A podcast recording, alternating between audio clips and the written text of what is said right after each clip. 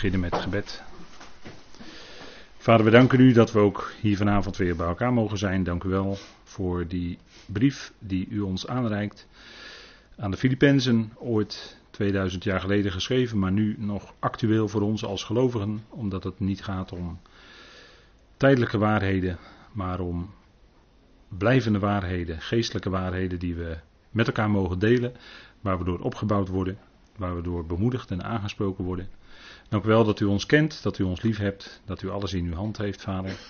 Dank u wel dat we hier zo bij elkaar mogen zijn in goede harmonie, met vreugde. We danken u dat u ons dat geeft. We danken u ook voor al diegenen die later dit beluisteren, die met ons daarin verbonden zijn.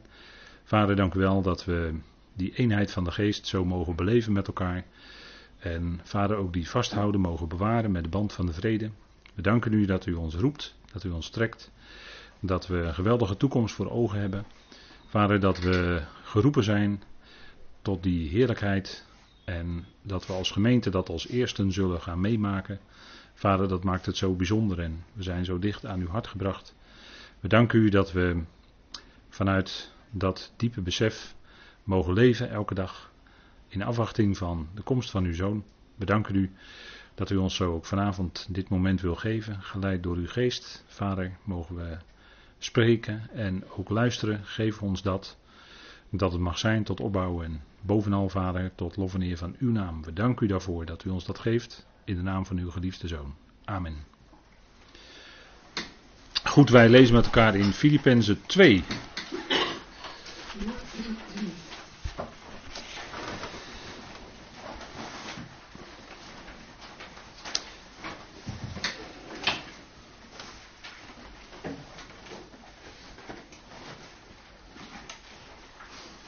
En dan lees ik met u deze keer vanaf vers 7 voor het verband. Filippenzen 2 vanaf vers 7. Niettemin maakt hij zichzelf leeg en neemt de vorm van een slaaf aan. In de gelijkenis van de mens geworden en in gedaante als mens bevonden, verootmoedigt hij zichzelf, gehoorzaam wordend tot aan de dood, ja, de dood van het kruis. Daarom ook verhoogt God hem uitermate en schenkt hem in genade de naam die is boven alle naam, opdat in de naam van Jezus zich alle knie buigt van de hemelingen en van hen die op aarde en van hen die onder de aarde zijn, en alle tong van harte beleidt, Heer is Jezus Christus tot verheerlijking van God de Vader. Daarom mijn geliefden, zoals jullie altijd gehoorzamen, niet alleen bij mijn aanwezigheid, maar nu veel meer bij mijn afwezigheid, werkt je eigen redding met vrees en beven uit. Want God is het die in jullie zowel het willen als het werken voor zijn welbehagen bewerkt. Tot zover. En we zijn dan vanavond ook toe aan ons onderwerp opnieuw de verhoging van Christus. Wat Paulus ook noemt in de tweede Korinthebrief het evangelie van de heerlijkheid van Christus die het beeld van God is. Dat is op zich al een evangelie een goed bericht, een goed nieuws. Want hij is nu aan de rechterhand van de Vader. En wij hebben de vorige keer al iets met elkaar gesproken over de opstanding van Christus. Over zijn opwekking uit de dood. En het is goed om vast te stellen dat de opstanding, zijn opstanding, niet door zijn eigen kracht gebeurde. Maar hij werd opgewekt door de heerlijkheid van de Vader. Zoals dat in Romeinen 6 ook staat. En de teksten, we hebben een aantal tekstplaatsen daar voor u voor geselecteerd. Dat is onder andere Johannes 5, vers 21, want dat is de bron. Daar zegt de Heer Jezus, en die zegt daarin natuurlijk een heleboel dingen, wat tot discussie leidde uiteraard met de Joden, maar hij zegt daar onder meer, want zoals de Vader de doden opwekt, dat is dus het werk van de Vader, dat hij dus de doden opwekt. En levend maakt. Dat zegt de tekst natuurlijk niet voor niks, want uh, mensen zijn dan geneigd om dat allemaal op één hoop te gooien. Ja, het gaat over de opstanding van Christus. Nee, wacht even, we zijn gewend om dat heel nauwkeurig met elkaar vast te stellen. Hij wordt opgewekt door de kracht van de Vader. En Vader maakte hem ook levend. Het is niet alleen opwekken, als het ware wakker maken uit de dood. Maar hij werd ook levend gemaakt. Dat wil zeggen, hij ontving leven zonder einde. Een levensproces wat nooit meer een einde zal hebben. Dat is levendmaking. En dat ligt heel dicht aan tegen onsterfelijkheid. Die woorden gebruikt Paulus ook in 1 Korinthe 15, hè, dat bekende hoofdstuk over de opstanding zeggen we altijd. Maar die drie begrippen worden daar gebruikt. Opstanding, dat heeft te maken met het lichaam van de mens, dat staat op. Opwekking, dat is wat daarvoor gebeurt, want eerst moet iemand wakker gemaakt worden uit het slapen van de dood. En als iemand is opgestaan, dan moet hij ook nog levend gemaakt zijn om oneindig leven te hebben. En we weten uit 1 Korinthe 15 dat dat in verschillende fasen gaat. De eersteling Christus. Eersteling is een term uit de oogst, dat is de aparge, dat is de eersteling en dat is de garantie dat ook de hele oogst gaat komen. Nou, hij is er al, hij is al bij de Vader, hij is al levend gemaakt. Dat wil zeggen dat die hele oogst slechts een kwestie van tijd, maar gaat komen. En dan die van Christus zijn in zijn parousia, in zijn aanwezigheid. En dat mogen wij uitsplitsen in twee momenten. Dat is de bazuin van God en dat is voor Israël de opstanding van de rechtvaardigen. Dat gebeurt allemaal in zijn aanwezigheid. dat is dus niet één moment, dat is niet één dag, maar dat is een fase. Parousia is een aanwezigheid, eerst in de lucht voor de gemeente, het lichaam van Christus. Daarna komt hij als de zoon des mensen op de olijfberg, maar daar zit minstens zeven jaar tussen. En dan is hij aanwezig. Ook daar wordt gesproken over zijn parousia. En dan is het de zoon des mensen die komt in zijn heerlijkheid. Zet hij zijn voeten op de olijfberg. En dan krijg je daarna, na enige tijd, ook de opstanding van de rechtvaardigen.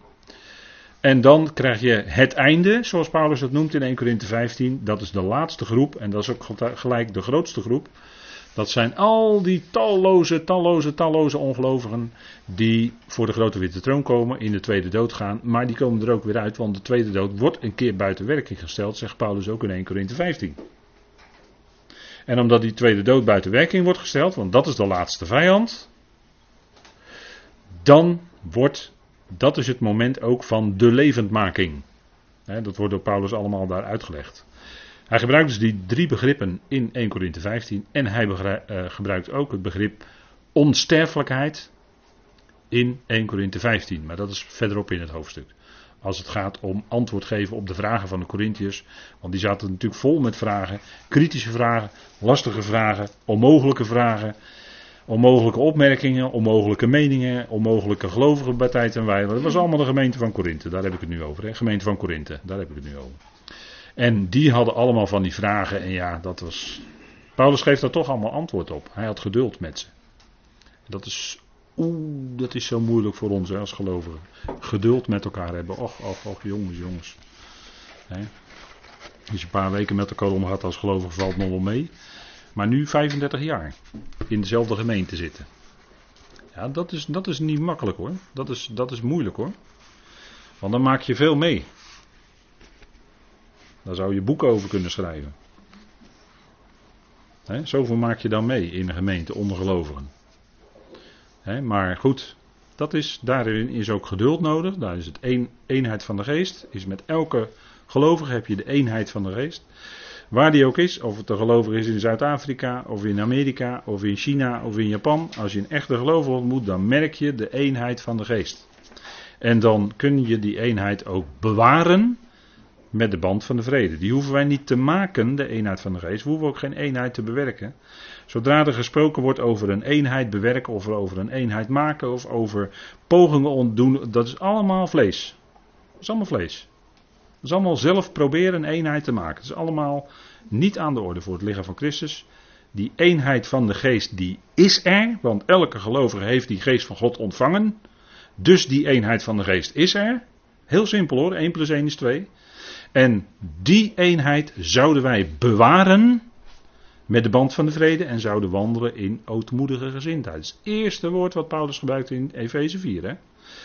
ootmoedige gezindheid. Met ootmoedigheid en zachtmoedigheid en geduld. Dat zijn de eerste woorden die Paulus gebruikt hè, als het gaat om het gedrag van de gelovigen in Efeze 4. Die woorden. Ootmoedigheid, zachtmoedigheid en geduld. En wat is er onder gelovigen nog alles voorhanden? Hoogmoed, keihardheid, ongeduld.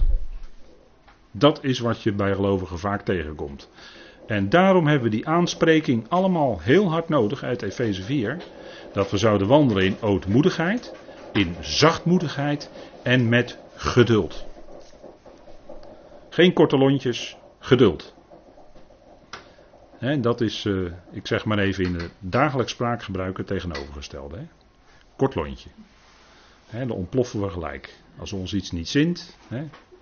Ik haal altijd dan, dat weet u wel, dan, ik haal altijd het voorbeeld van het verkeer aan.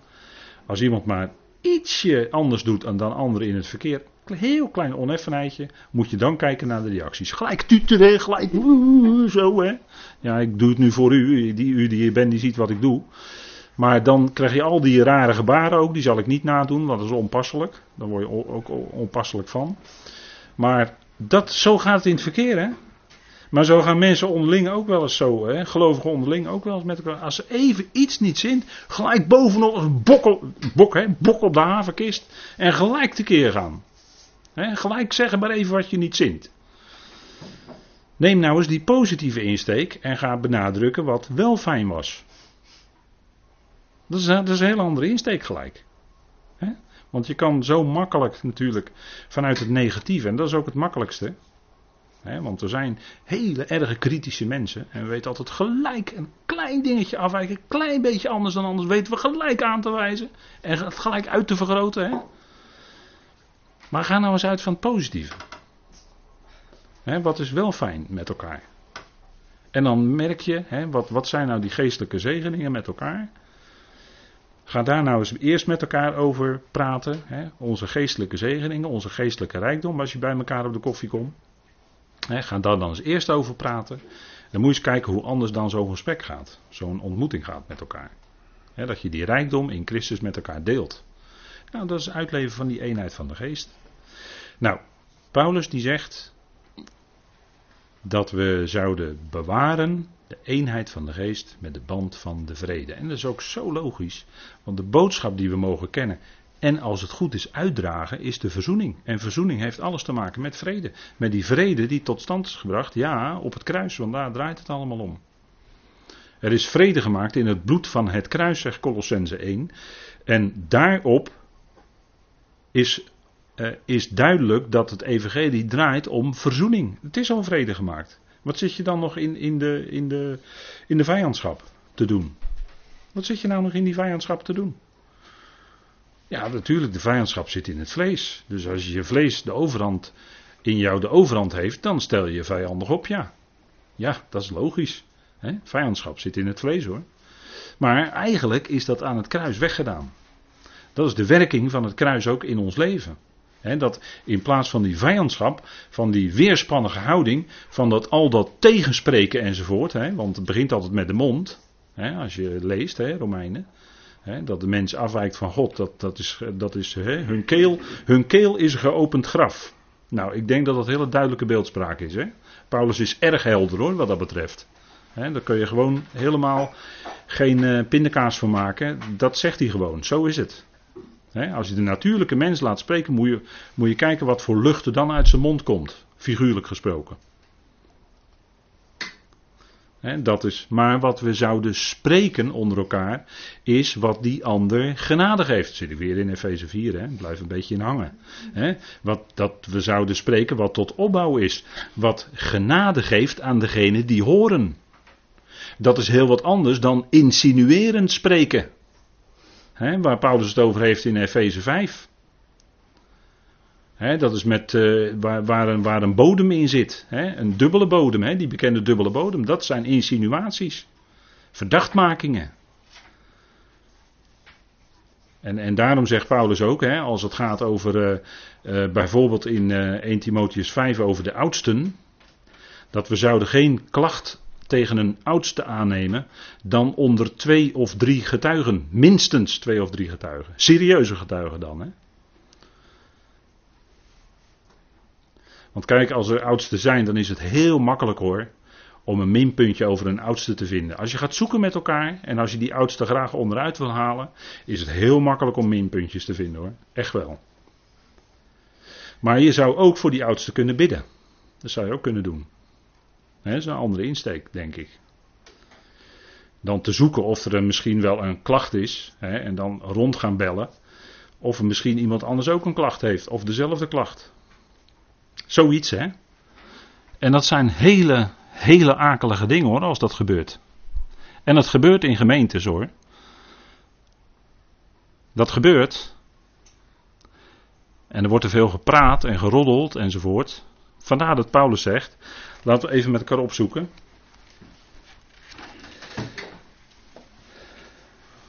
In Efeze 4.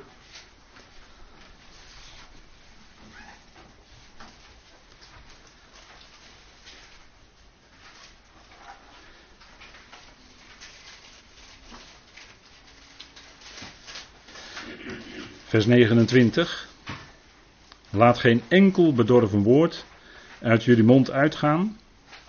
Maar, tegenstellingen, maar. Dat woord maar is in de diepzin eigenlijk anders. Hè? Het kan ook heel anders. Maar spreekt, indien er een goed woord is, voor de benodigde opbouw, opdat het genade geeft aan wie horen. Kijk, zo zouden we onder elkaar spreken. Dat is tot opbouw. En bedorven woorden, ja, er is snel, er is oh zo snel een roddel geboren. Hè, en dan gaat er een gerucht en dan weet je eigenlijk fijn er niet van. Maar ja, het is toch wel sensationeel. Dus je gaat dat stiekem in die andere oor ook nog even zo een beetje doorfluisteren, weet je wel. Dat zeg je niet te hardop. Dat zeg je niet te hardop, want uh, ja, anderen mogen het eigenlijk niet horen, weet je wel. Want je weet eigenlijk niet of het heel echt waar is. Ook al gaat het over een oudste, hè, bijvoorbeeld, ik noem maar wat. Hè. Nou, kijk, dan uh, ben je dus bezig gewoon schade aan te richten in het lichaam van Christus. Dat is beschadigend.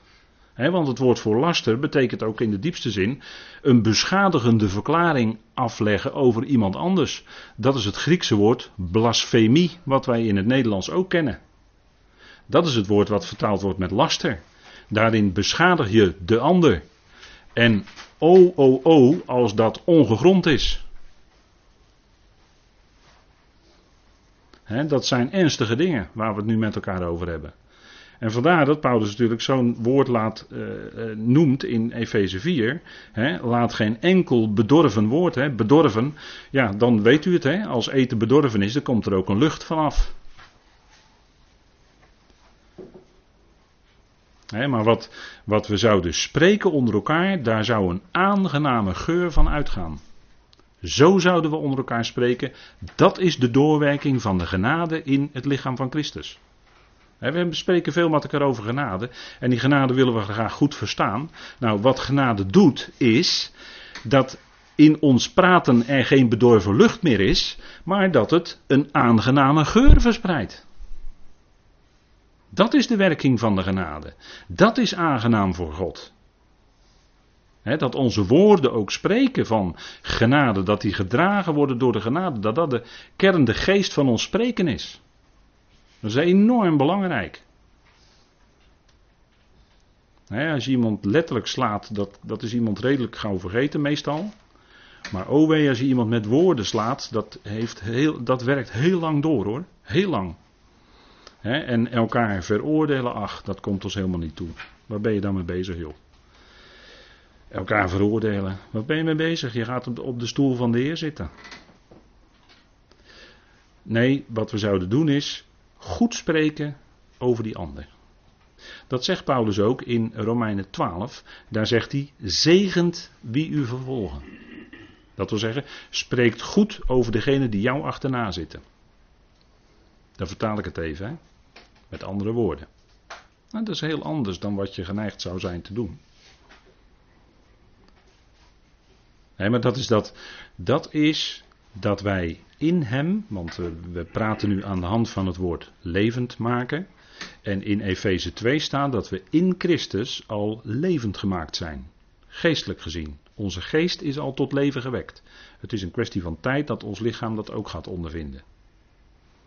En als onze geest tot leven is gewekt door de geest van God, dan komt er vervolgens liefdevolle spraak uit onze mond. Want het is die geest van de liefde, het is de liefde Gods, de liefde van God, zegt Romeinen 5 vers 5, die in onze harten is uitgegoten door Heilige Geest.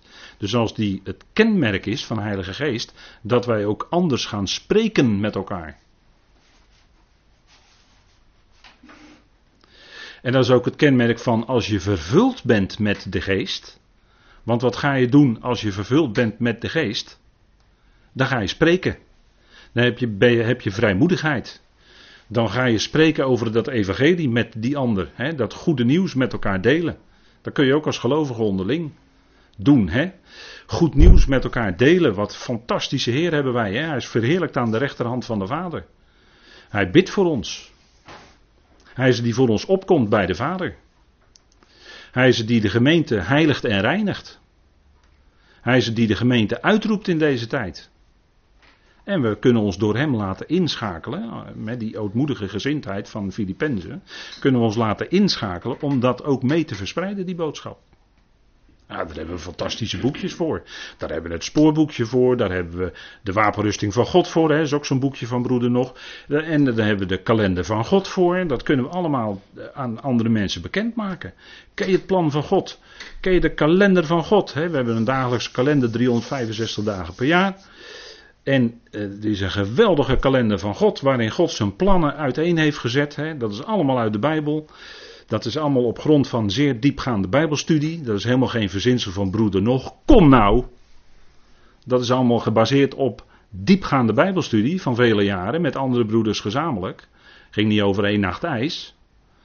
Nee, die ging heel diep in dat woord. Zo diep dat is ongekend. En daaruit is ook dat boekje onder andere de kalender van God naar voren gekomen. Hè? Dat God een geweldig plan van eon heeft, waarin hij tot zijn doel komt met iedereen. Dat is onweerlegbaar. Dat God een plan heeft van eonen, van tijdperken.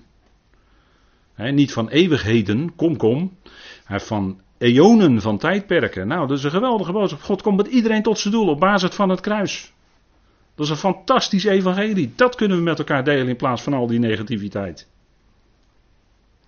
Dat, dat, is, dat is fantastisch. Nou, de zoon maakt levend en dat doet hij in navolging van de Vader. Hij is eerst zelf levend gemaakt. En vervolgens heeft Vader het hem gegeven om ook anderen levend te maken. En dat doet hij nu al geestelijk gezien. En dat is voor ons mensen zo moeilijk dat het geestelijk gezien is. Hè. Wij willen graag concreet, wij willen graag iets in onze handen concreet vastpakken. Maar met geestelijke zegeningen kan dat niet. Dat zijn geestelijke zegeningen. Die kun je niet met je handjes pakken, maar je kunt wel de uitwerking van zien. En ik ben vanavond heel concreet met wat we onder elkaar zeggen. Dat is toch concreet of niet dan? En daaruit wordt wel duidelijk hoe die geest in ons als gelovigen werkt. En dat is die geest van de liefde, toch? Dat is die geest die die ander de ruimte geeft die die ander niet wil verdringen of die ander het, eh, pad niet gunt, maar die de ander gewoon de ruimte geeft. dat, is, dat is liefde. Kijk, de Heer Jezus die veroordeelde nooit iemand. Ja, hij was heel scherp tegen de fariseeën en schriftleerden. Zeker, zeker. En wat hij zei over ze was ook heel scherp. Maar de Heer Jezus in zijn ontmoetingen met mensen, hij veroordeelde niemand. En daar moet je maar eens goed over nadenken. Dat toont zijn ootmoedige gezindheid. En die gezindheid zouden ook wij in ons leven, hè, zou in ons leven, dat zou heel fijn zijn als dat in ons leven ook naar voren komt. Hè. Laag in plaats van hoog. De wereld wil alleen maar hoog, die wil alleen maar beter, die wil assertief zijn. En alle, weet je wel, die wil bovenaan, bovenaan eindigen. Allemaal gouden medailles winnen op de Olympische Spelen, u weet dat wel. He, daar doen ze, stellen ze alles, alles voor in het werk. Het hele leven staat in het teken van vier jaar lang om een gouden medailletje te halen. En als je dan een paar keer de valse start hebt, ja, dan ben je weg. Gebeurt allemaal, hè? is teleurstellend natuurlijk. Maar wij zouden als gelovigen basishouding ootmoedige gezindheid. Heel duidelijk is dat Filippenzen. En was het geweldige evangelie wat we mogen kennen, is dat de Heer nu aan Gods rechterhand verheerlijkt is. Hij heeft zichzelf verootmoedigd. Hij heeft zichzelf ontledigd. Maar nu is hij verheerlijkt aan Gods rechterhand. Dat is het evangelie van de heerlijkheid van Christus. En dat is helaas bij veel gelovigen, helaas, helaas, onbekend. En hoe komt dat? Daar heeft Paulus het ook over in 2 Korinthe 4. Dan zegt hij dat de tegenstander, de God met kleine letter, graag met de kleine letter, de God van deze eon, die verblindt de zintuigen van de gelovigen opdat zij het evangelie van de heerlijkheid van Christus niet kennen.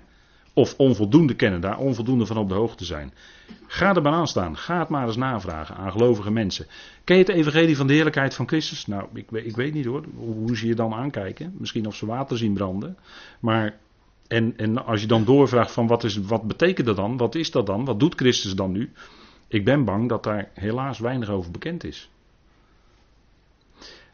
Maar dat is wat Paulus hier deelt, dat God hem uitermate hoog verhoogd heeft. Dat is het evangelie.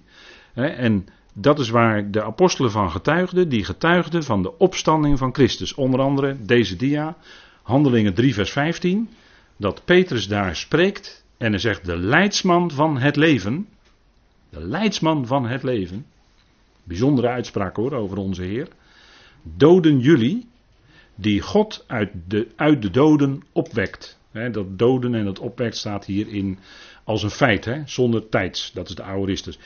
Tussen haakjes aoristus. Maar dat is een feit. Dat staat als een feit. Petrus zegt dat tegen zijn eigen volksgenoten notabene. De leidsman van het leven. Doden jullie, je mag natuurlijk ook verhalend vertalen, hebben jullie gedood, want dat is een feit. Die God uit de doden opwekt, dat is ook een feit waarvan wij getuigen zijn. Ze, hebben, hadden hem gezien, ze hadden hem ontmoet, ze hadden met hem gegeten. Het was geen geest, het was geen schim. Nee, hij was bij hen. Hij had met hen samen gegeten. Hij, hij zei tegen Thomas: hè, Thomas, joh, doe die hand in mijn zij, want ik ben het. En hij geloofde. Dat is het einde van Thomas, hè? hij geloofde. Spreekwoordelijk is de ongelovige Thomas, maar eigenlijk, als je de Bijbel leest, het laat, eind van het liedje was dat hij gelovig was. Hè? Het was gelovige Thomas. Ja, Waarvan wij getuigen zijn. Die apostelen die, die getuigden allemaal van de opstanding van Christus. Hadden ze meegemaakt. Wil je dan nog meer bewijs? Hij toonde zich aan meer dan 500 broeders op één moment. Sterker en harder bewijs is er niet. Dat is allemaal vastgelegd. Authentieke getuigen in geschriften die bewaard zijn gebleven. Overweldigend bewijsmateriaal. En bewijs voor ons persoonlijk ook is dat wij dat ervaren hebben. Dat wij een levende Heer hebben. Dat wij Hem kennen. Dat is toch waar het om gaat. Dat we Hem kennen en de kracht van zijn opstanding. Ben ik weer terug in de Filipijnse brief. Hoofdstuk 3. Paulus strekte zich daar naar uit. Waar jaag je naar in je leven? Als je het aan Paulus vroeg, zei hij: Ik jaag ernaar om Hem te kennen. Christus Jezus, mijn Heer verheerlijkt aan de rechterhand van de Vader. En al het andere, zijn hele opvoeding, dat hij Hebreeën was uit de Hebreeën, dat hij naar het vlees uit de stam Benjamin was en, en dat hij een fariseer was en naar de ijver de wet onberispelijk. Allemaal vuilnis, schade en drek achter je het. Doortrekken daar in die wc. Dat deed hij ermee. Want wat ging boven alles uit? Ver boven alles uit ging voor hem dat hij Christus kende en de kracht van zijn opstanding. Die ervoer Paulus in zijn leven. En hij joegde daar dat hij daar meer van zou ervaren. Daar wilde hij nou meer van. Meer van die kracht van zijn opstanding ervaren in zijn leven. Paulus ervoer het. Nou, dat is voor Paulus toch ook meer dan voldoende bewijs. Maar hij had zich aan Paulus ook vertoond als aan een ontijdig geborene. Wie bent u, Heer? Nou, ik ben Jezus die jij vervolgt. Shaul, Shaul, waarom vervolg je mij? Altijd opletten, hè? in de Bijbel, als twee keer de naam genoemd wordt, dan is het een heel ernstig moment hoor. Was bij Saulus ook zo. Shaul, Shaul, waarom vervolg je mij? En in dat Shaul, daar zit ook iets in van tanden. Hij was grimmig. Hij wilde zijn tanden erin zetten. Hij zat er gelovig achterna. En wat deed de Heer? Veroordeelde de Heer hem? Uh -uh. De Heer ontmoette hem op weg naar Damascus en het was genade. Gelijk was het genade. De Heer draaide hem om, betoonde hem genade en hij werd zelfs apostel. Onvoorstelbaar. Zo zouden wij niet rekenen hoor. Paulus, Saulus, die? Oh, joh. Zouden wij een wegwerpgebaar maken? De Heer niet hoor. De Heer maakte in tegendeel een gebaar. Saulus, kom maar bij mij. Ik ontmoet jou. Ik kom naar jou toe. Het is je hart. Hè, die prikkels te slaan. Hè. Maar ik betoon jou niet prikkels van de wet. Maar ik betoon jou overstromende genade. En jij mag mijn dienstknecht zijn. Jij mag mij dienen. En je zult ook voor mij moeten lijden. Maar dat was voor Paulus slechts de lichte last van de verdrukking van ogenblik. Omdat hij iets van die, nou iets, hij had veel gezien van die geweldige heerlijkheid van Christus. En hij ervoer die kracht van zijn opstanding. En daar wilde hij meer van. En als je dat eenmaal in je leven hebt ervaren, dan zeg je, Heer, daar wil ik meer van. Daar wil ik meer van. Van die kracht van u ervaren in mijn leven. Dat ik u kan dienen maximaal. En brengt dat lijden teweeg? Ja, zeker. Als je de Heer gaat dienen, dan garandeer ik je dat lijden je deel zal zijn. Absoluut. En verdrukkingen. Maar die kun je dragen omdat de Heer je vertroost. Omdat de Heer je kracht geeft. Omdat Hij altijd nabij is. De Heer is nabij, zegt Paulus ook. Ook weer Filippenzen. De Heer is nabij. En je mag alles, je kan alles met Hem bespreken. Al wat je verzoekt, al wat op je hart is. Bespreken met Hem onder dank, omdat je weet dat Hij toch het beste doet en het beste met jou voor heeft. En Hij overziet de hele weg. Hij werkt het mee ten goede. Hij werkt het uit tot het goede wat Hem voor ogen staat. En dat zal altijd. Later blijkt dat bij ons pas, als onze oogjes daarvoor geopend zijn geworden, en dat duurt misschien jaren, en we kijken erop terug, dan erkennen we met de Heer, ja, het was eigenlijk het beste. Dat zo gegaan is in mijn leven, was achteraf gezien gewoon het beste, Heer. U wist het al, maar ik wist het nog niet, en ik had het er soms moeilijk mee. Maar hij werkt het uit ten goede hoor. Hij werkt het uit het beste. Het is waar hoor, wat hij zegt in Romeinen 8.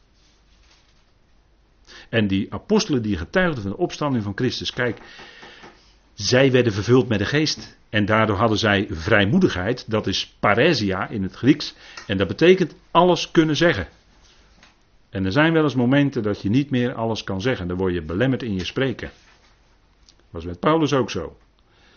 Hij had een doorn in het vlees. Een bode van de tegenstander die je met vuisten sloeg.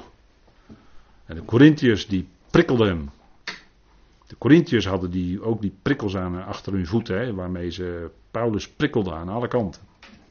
En daarom had Paulus niet alle vrijmoedigheid om alles te kunnen zeggen. daarom zegt hij ook, ja, ik kan alleen maar met de volwassenen in het geloof kan ik delen de, de, de verborgen wijsheid van God. Die, kan ik, die kon hij niet met alle Corinthiërs delen. Hij werd door die Corinthiërs belemmerd in zijn spreken. Kon niet alles zeggen. Had hij geen vrijmoedigheid. Had hij geen paresia. En dat was aan de hand. Hè? Maar op andere momenten kon hij geweldig spreken. God, en dat zegt hij ook in de Korinthebrief, God wekt niet alleen de Heer op. En God wekt niet alleen de Heer op. Dat is dus het werk van God. Hè? God wekt niet alleen de Heer op en zal ook ons opwekken door zijn kracht. Nou, dat, wat, wat de Heer gebeurde, zal ook ons gebeuren. Dat zullen we zien bij de bazuin. Als we het levend meemaken, heeft een fantastische verandering. Dat moet een groot moment zijn. Daar strekken we ons naar uit. Hè? Dat we bij leven dat moment van de bazuin mee mogen maken. Maar als je sterft, in Christus ben je dan gestorven, dan word je opgewekt door zijn kracht op het moment dat die bazuin klinkt. En dat is waar we naar uitkijken. Want dan gaan we al diegenen die ons ontvallen zijn, gaan we weer ontmoeten. Dat moet een fantastisch moment zijn. Maar ver daarbovenuit is dat wij de Heer gaan ontmoeten dan in de lucht. Dat is alles overtreffend. Hè? Dat je elkaar weer ziet. Daar verlangen we naar. Maar bovenal dat we dan de Heer zullen zien. Daar verlangen we nog verderweg het meeste naar. Denk ik, hoop ik, bid ik voor u. Opwekken door zijn kracht. Daar gaat het om. Hè? Zijn dynamis staat er dan in het Grieks. Hè? Daar hebben we ons woord dynamiet van, weet u wel. Waar ze mee uh, ontploffingen veroorzaken enzovoort. Hè? waarmee ze gebouwen laten instorten. Nou denk ik aan iets, maar daar ga ik verder niet over uitweiden. Ik denk wel dat u beseft wat het is. dat uh, gecontroleerd iets ineen laten storten, dat gaat heel snel recht naar beneden. Dat is gecontroleerd iets slopen. Nou, maar tegenovergestelde is dat zijn kracht is tot opbouw van de gemeente. Dan wordt er iets opgebouwd in plaats van gesloopt. waar ik het net over had, met die woorden en zo kun je slopen. Kun je ook oudste slopen. Maar je kan ook zijn tot opbouw van de gemeente. Je woorden kunnen ook zijn tot opbouw van die ander. Dat het genade geeft aan degene die horen. Kan ook. Overweging, hè? je hebt altijd keuze. Je kan het een doen of het ander. mijn vader die bad altijd, Heer zet een wacht voor mijn lippen. Nou, dat heb ik van hem geleerd. Heer zet een wacht voor mijn lippen. Met andere woorden, dat ik datgene spreek wat is tot opbouw van een ander. Dat heb ik van hem geleerd. En meer dingen. Maar kijk, in Romeinen 6 heeft Paulus het daar ook over. Dat de Heer werd opgewekt. Laten we even met elkaar opzoeken, Romeinen 6. de teksten staan op de dia's vermeld. Die kunt u later ook eh, nakijken, nalezen, opschrijven, opzoeken. Het is goed om de teksten zelf ook in Gods woord op te zoeken, want komt je niet aanwaaien.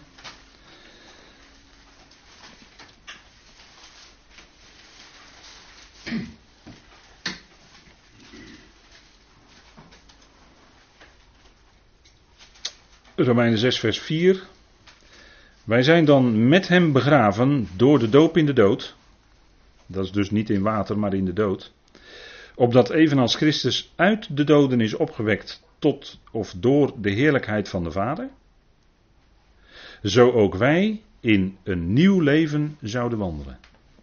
Kijk, zoals Hij is opgewekt, zo geldt het geestelijk gezien nu ook voor ons, opdat wij in nieuwheid van leven zouden wandelen.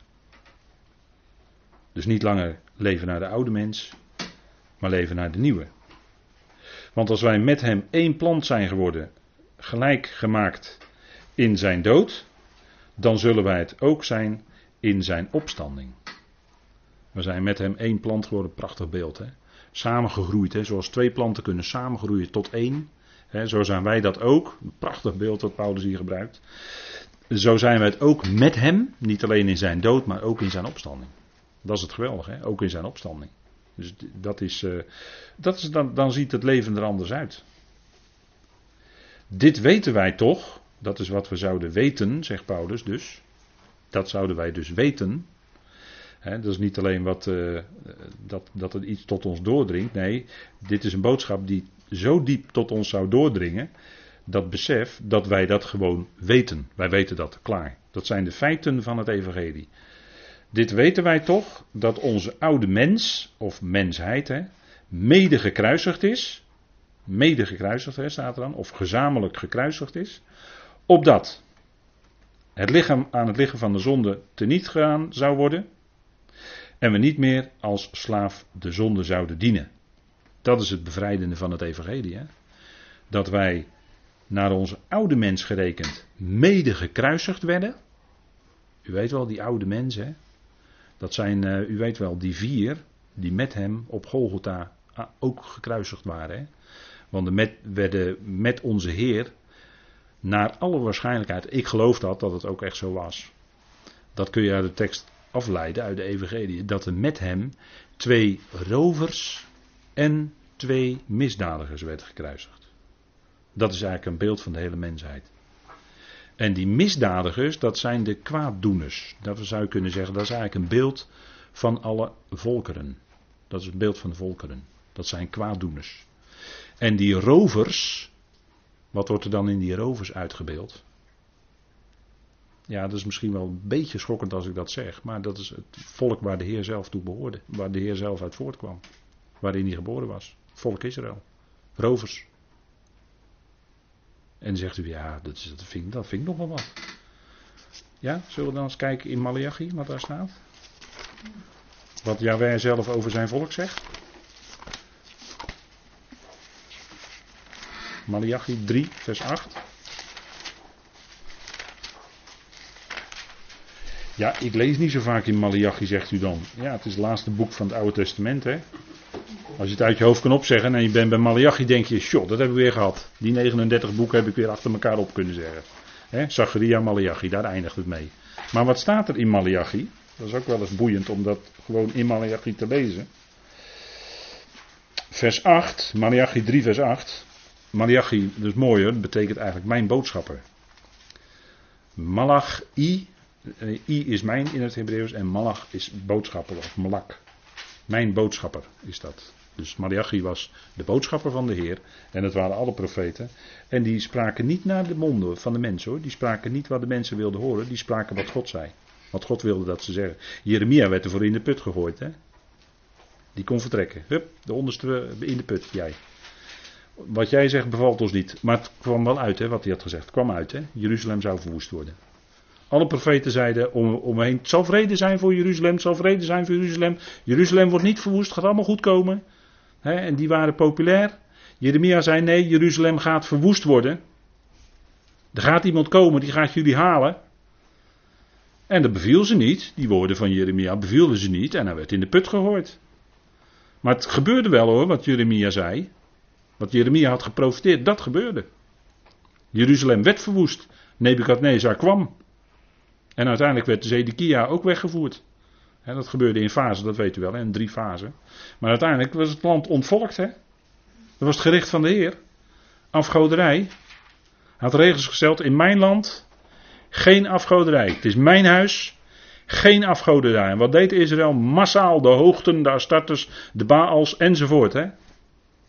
Ja, en op een gegeven moment zegt de Heer: eruit. Dan laat ik jullie eruit halen. Als jullie niet willen, niet aan de regels van mijn huis houden, dan ga je er maar uit. En het gebeurde, Jeruzalem werd verwoest. En het is zo, onder gelijke omstandigheden gaat hetzelfde gebeuren. En dat is vandaag de dag ook aan de hand. Jeruzalem gaat nog verwoest worden. Het staat in de profeten. Het is niet plezierig om te zeggen, maar het staat er wel. En daarom zeggen we het. Maar het gaat gebeuren. Jeruzalem gaat nog verwoest worden. Het hele land zal opnieuw ontvolkt zijn. En dan zal de Heer komen en dan zal het land weer bevolkt worden. Maar dan is het koninkrijk ook gaat aanbreken. Dan komt hij als de zoon van David. En dan zal het koninkrijk gaan aanbreken. Dus dat gaat allemaal wel komen. Maar eerst, eerst, ja, het beest aanbidden, het beeld van het beest aanbidden. Eruit. Dan wordt Jeruzalem verwoest. Dat gaat allemaal gebeuren in de toekomst. Maar goed, mijn boodschapper, hè, Malachi. Wat zegt hij in vers 8? Hoofdstuk 3, vers 8.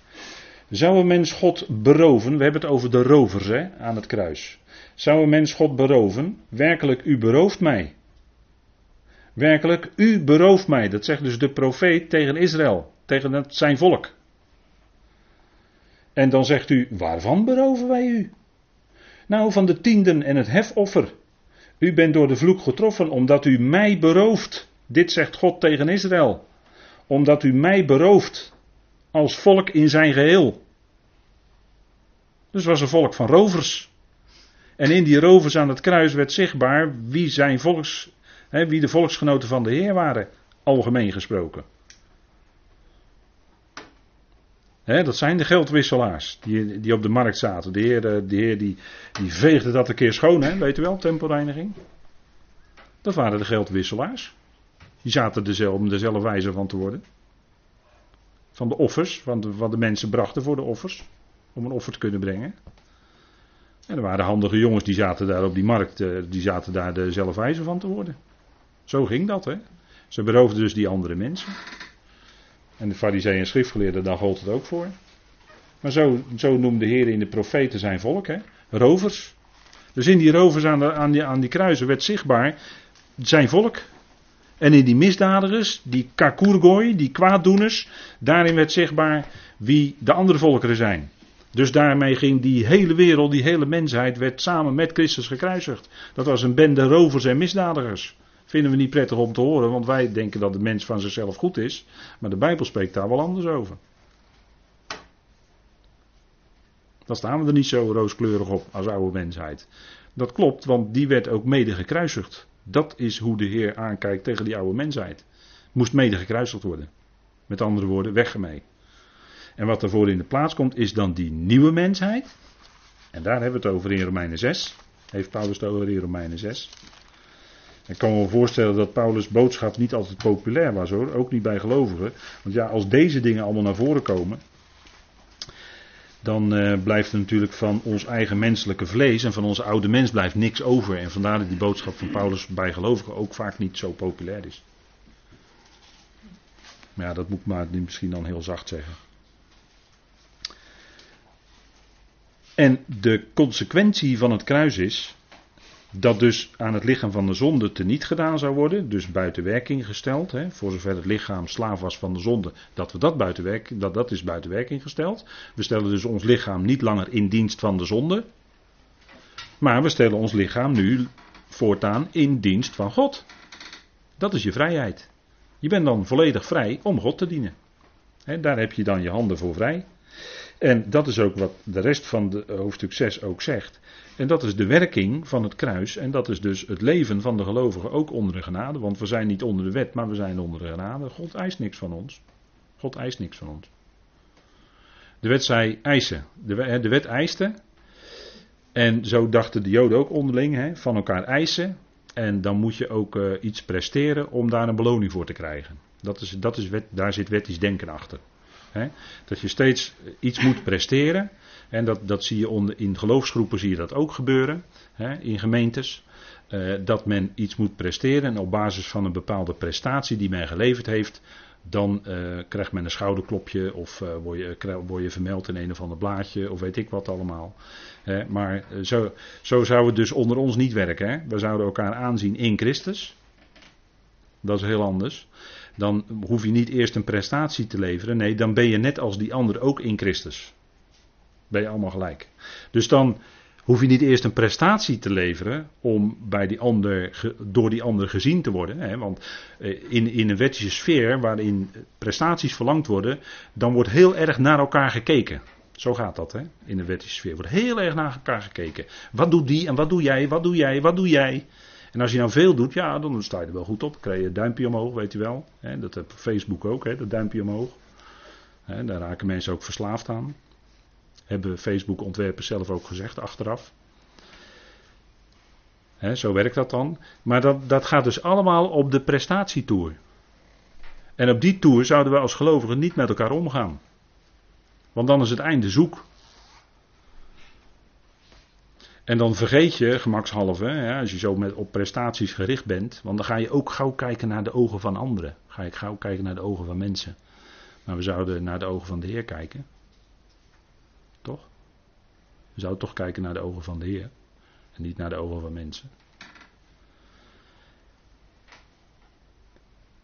Dan gaat die genade doorwerken. En dan ga je niet op basis van prestaties met elkaar om. Maar ga je om met elkaar op basis van genade. Liefde, dat je de andere ruimte geeft. En dat je elkaar er niet op aan gaat kijken van die doet zoveel of die doet zoveel. Weet jij veel? Je ziet elkaar toch niet elke dag 24 uur per dag? Dan weet je toch niet alles wat die ander doet? In jouw ogen kan die ander misschien heel weinig doen, maar het zou best eens kunnen zijn dat die ander heel, heel veel bidt voor de gemeente, voor gemeenteleden die het moeilijk hebben. Dat die ander, zonder het te zeggen, bemoedigende kaartjes verstuurt. Zonder dat verder iemand het weet. Dus het gaat niet aan om elkaar dan op iets aan te kijken en te denken van nou die doet niks of die doet weinig of die is al jaren in de gemeente en die doet nog steeds niks. Hè? Zo, hè? zo denken wij als mensen wel eens, ook als gelovigen. Hè? Of zeg ik nou iets geks? Maar zo, denken wij. Maar ons denken, dat is ook metanoia, dat is bekering. Dat is altijd wat met bekering vertaald wordt. Ons denken zou veranderd worden. Dat is eigenlijk het woord voor bekering. Metanoia. Hè, dat we anders gaan denken door de genade. Dat we anders leren denken en kijken naar die ander door de werking van de geest die ook ons denken vernieuwt, hoop ik. Dat is wel de werking van de geest. Als de geest het werk is, wordt je denken vernieuwd. Dat garandeer ik u. En dat gebeurt ook door het woord. Zegt Romeinen 12, vers 2, hè? Dat gebeurt door het woord. Dat ons denken aangepast wordt, vernieuwd wordt, niet vernield, maar vernieuwd wordt door het woord. Dat heeft zo'n geweldige, geweldige reinigende en veranderende werking voor ons denken. En ons denken is on, zo ontzettend belangrijk. de hooggraad vrijmetselaar uh, Norman Vincent Peale, die was 33ste graad vrijmetselaar, die schreef daar eens een boek over. De kracht van positief denken was onder christenen heel populair. Nou heb ik in één zin iets gezegd, hè. Maar dat was de grote leraar van Robert Schuller van de Crystal Cathedral. Dat heeft hij zelf gezegd. Kunt u opzoeken. Zoekt het maar na. Google maar. Robert Schuller, zijn grote leraar was Norman Vincent Peale. En dat was een 33ste graad vrijmetselaar. Maar we zouden niet boeken van vrijmetselaars lezen. We zouden Gods woord lezen en daardoor ons denken laten vernieuwen. Want dat heeft een, wel een geweldige vernieuwende kracht voor ons denken. En Robert Schuller was zelf, was, is zelf ook vrijmetselaar. Dat is ja. Ja, maar hij spreekt zo fijn en als die op de Hour of Power komt is het allemaal zo fijn, die diensten. Hè, er wordt zo fijn gezongen. Ja. Heb je ook naar hem geluisterd en wat in zijn diensten gebeurt? Heb je wel eens gekeken? Ik wel. En als je goed kijkt, dan zie je dat het niet, niet centraal stellen wat Gods woord Niet Gods woord niet centraal. Laat ik het maar voorzichtig zeggen dan. Maar dat is.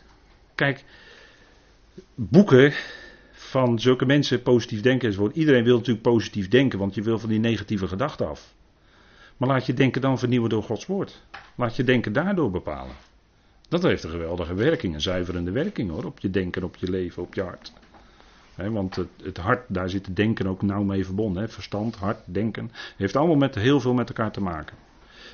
Maar dat, dat is wat die vernieuwende kracht is.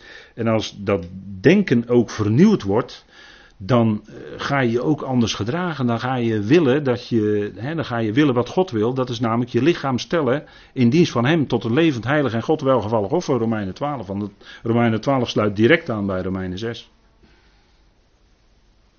En dan ga je dat ook willen. Van binnenuit. Dan is het niet opgelegd. Heeft geen zin hoor. Dat was de wet. En er is een uitgebreide demonstratie geweest dat als een wet op een mens gelegd wordt en die mens gaat zelf proberen, dan wordt het één grote mislukking. Dan gaan de overtredingen en de krenkingen alleen maar toenemen. En dat was ook precies de bedoeling van de wet, zegt Paulus allemaal in Romeinen 5.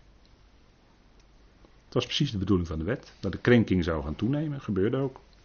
Maar dat is als je het oplegt, heeft geen zin. Het gaat erom dat van binnenuit dat hart veranderd wordt en dat de mens dan door een veranderd hart van binnenuit anders wil gaan leven. Zo werkt het. Dat is de werking van de genade in ons leven. Dat is de werking van het kruis. Werking van de geest.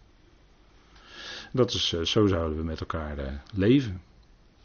De heerlijkheid van Christus. We gaan even verder. De heerlijkheid van Christus. En er staat, daarom verhoogt God hem ook uitermate in Filippenzen 2 vers 9. En de Heer heeft zelf iets gezegd over zijn toekomstige heerlijkheid op aarde. Dat is dan weer nog even naar de nabije toekomst gekeken. In Matthäus 25, vers 31 staat: Wanneer dan de zoon van Adam, de zoon des mensen, de zoon van Adam is dat feitelijk, komt in zijn heerlijkheid. Want dat is de toekomst. Hè. Het lijden is voorbij. En nu is er alleen nog, ook voor de zoon des mensen, heerlijkheid. En al de heilige boodschappers met hem. Dan zal hij zitten op de troon van zijn heerlijkheid. Dat is natuurlijk beeldspraak. En al de natieën zullen voor hem vergaderd worden. Hij zal dan de grote koning der koningen blijken te zijn, zoals openbaring dat zegt. En dan zullen, de natieën voor hem vergaderd worden. Dat is zijn toekomstige heerlijkheid.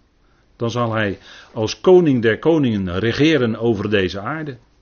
Dan zullen de vorsten van de volkeren drie keer per jaar moeten optrekken naar Jeruzalem. Bijvoorbeeld om het Lofuttefeest te vieren. Nou, Willem en Maxima er dan ook heen.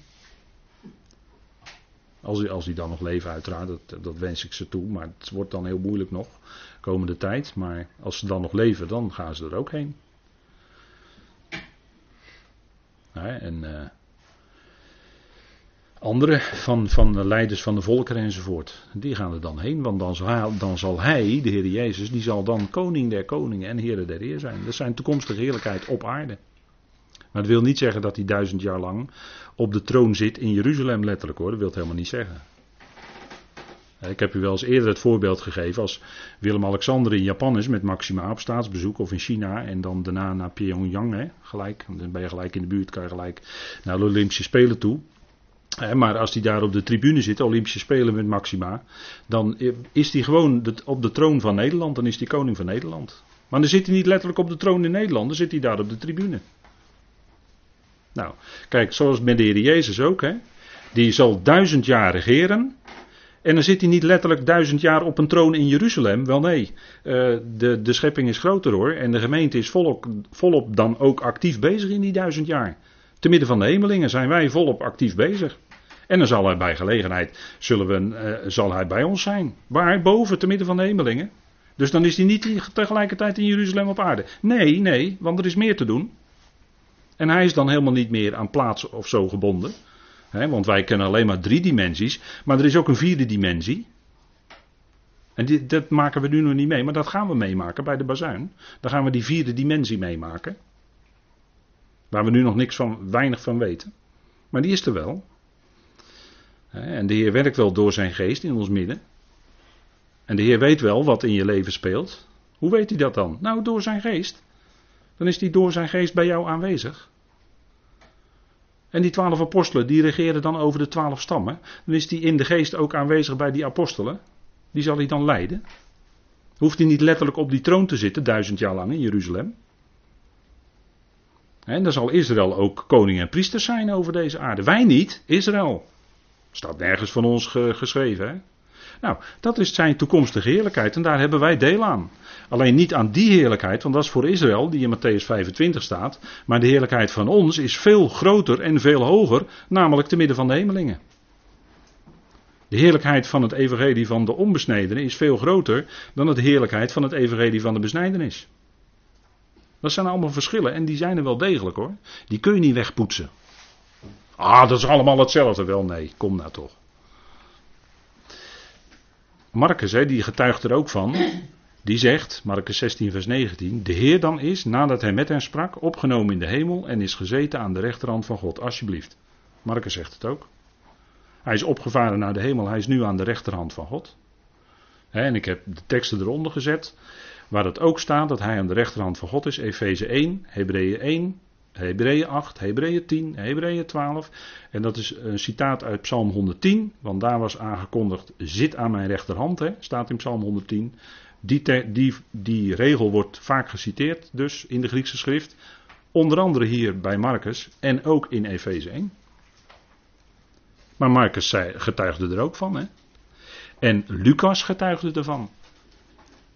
En hij leidde hen uit tot bij Betanië. dat is heel mooi, Betanië. He, moet u maar eens overwegen om Betanië, die naam, te benaderen vanuit het Hebreeuws. Daar ga ik zo nog iets meer over zeggen.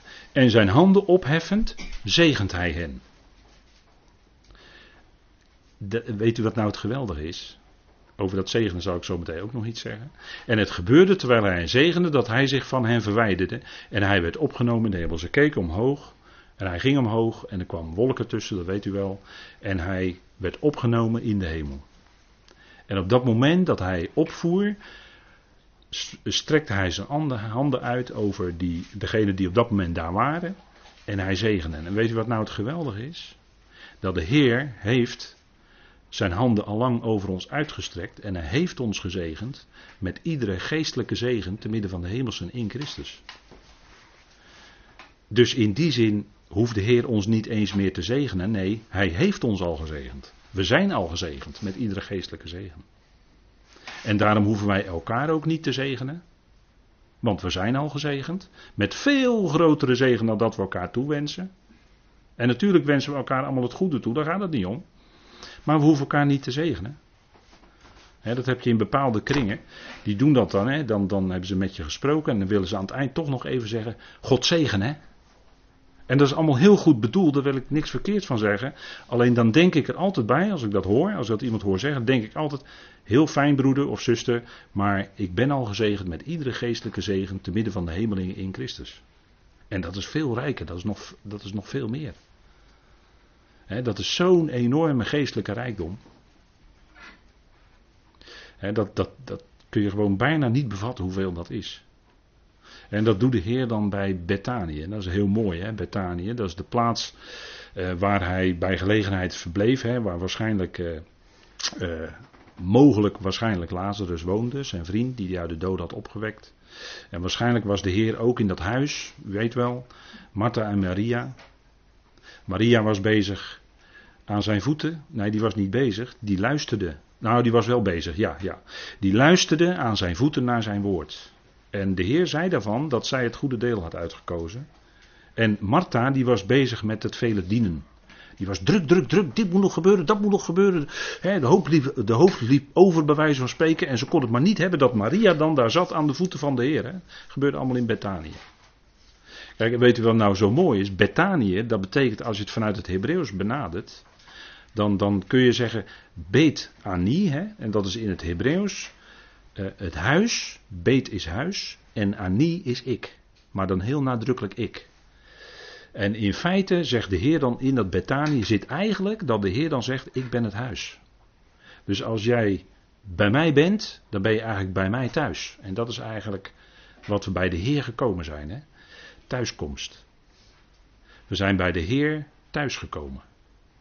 En Betanië is daar eigenlijk, die naam Betanië is daar eigenlijk een symbool van. En wat doen wij in dat huis? Wij zitten aan zijn voeten en wij luisteren naar zijn woord. Dat is het belangrijkste. Dat is de belangrijkste activiteit voor de gemeente vandaag. Raar hè, dat ik dat zo zeg. Maar ik ben er heilig van overtuigd dat het zo is.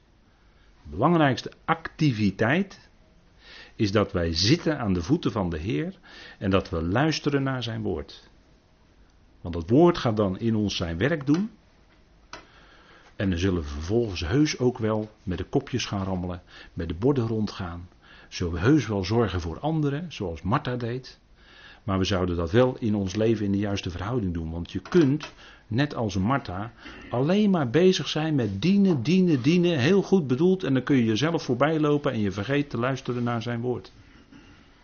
Daarom zei de Heer op dat moment, toen hij dat zag, zei hij: Maria heeft het goede deel uitgekozen. dat was wat zij, dat ene was maar nodig. En daar citeerde de Heer eigenlijk Psalm 27. Eén ding is nodig. voor ons als gelovigen, zo belangrijk. Dat we dat woord tot ons nemen, want het woord gaat in ons zijn werk doen. En, en dan gaan we van binnenuit de Heer ook dienen. Natuurlijk, dat leidt tot allerlei activiteiten hoor, wel degelijk. Activiteiten in de zin dat we ook concreet met dingen bezig zijn, ja.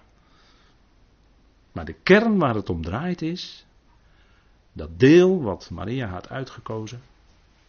En daarin was zij een beeld van de luisterende gelovigen, die dat woord op waarde schat. Want de Heer spreekt vandaag nog steeds zijn woord, maar dan als verheerlijkte Heer door Paulus spreekt nog steeds zijn woord en geestelijk gezien zitten we dan aan zijn voeten. En ik garandeer u, en ik weet dat dat de beste plek is, aan zijn voeten. Dan ben je niet meer hoog, maar dan ben je laag, namelijk bij zijn voeten. Begrijpt u? Dan ben je een ootmoedig mens, als je dat woord tot je wil nemen. En niet denk dat je dat woord in je broekzak hebt, dat jij het allemaal beter weet dan de ander. En dat je tegenspreekt, of in plaats van spreekt omdat je het meent beter te weten. Nee, we zouden een ootmoedige houding hebben naar dat woord toe. En ons daardoor laten gezeggen door Gods woorden. Want die zijn geest en leven. Het vlees doet in die zin geen nut. Absoluut niet. De woorden van vader, die zijn geest en leven. Daardoor word je opgebouwd. Daardoor leef je en krijg je ook vrijmoedigheid om met de ander te spreken. Dat, dat, dat, doet, dat is het geweldige werk van de geest in ons. En dat spreekt ons van die verhoogde Christus. Nou, laten we eerst wel even gaan pauzeren en dan gaan we straks verder.